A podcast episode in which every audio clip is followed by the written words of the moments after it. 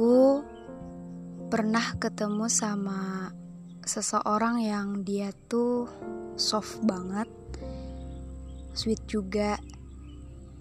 Dia paham gimana cara ngetrit cewek. Kita lumayan lama dekat.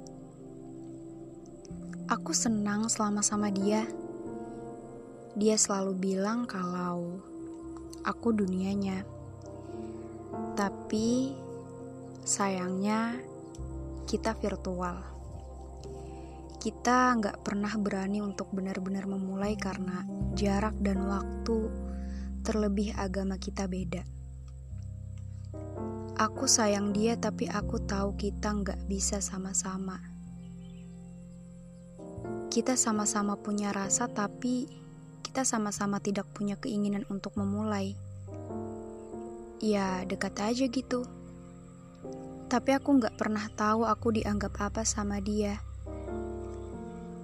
Dan sama, dia pun hanya aku anggap sebagai teman, seperti yang lainnya.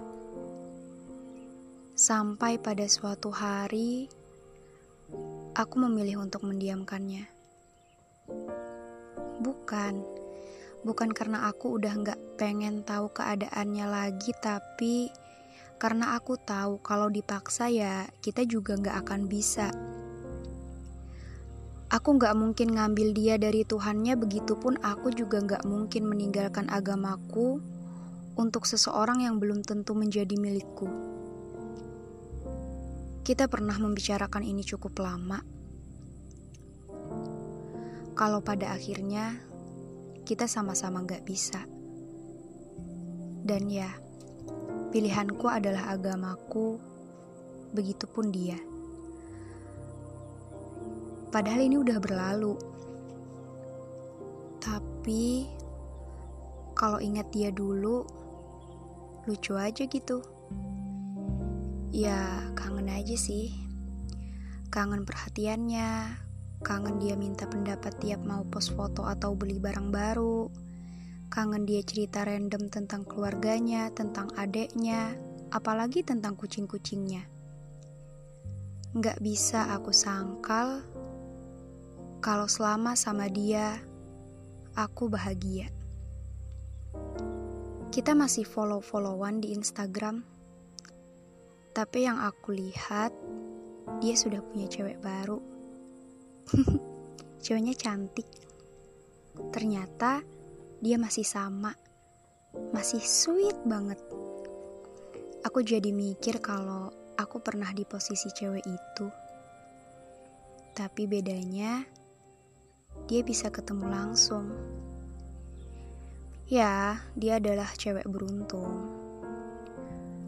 Aku bukan gak bisa lupain dia, enggak. Tapi aku cuma mikir aja, kalau waktu secepat itu berlalu.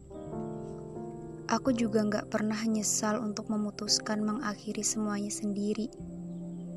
Karena pada kenyataannya, kita memang gak bisa dipaksa. Ya, lebih baik begitu kan? Daripada semakin lama, semakin sakit. Semakin sulit juga aku buat lepas dari kamu. Aku egois untuk menyelamatkan perasaanku, juga kita. Kalau kamu dengar ini, aku cuma mau bilang makasih. Makasih udah pernah hadir. Makasih udah jadi mood booster aku setiap hari. Makasih untuk semua hal yang pernah kamu kasih ke aku. Semua tentangmu masih aku simpan rapi sebagai hal yang pernah aku senangi.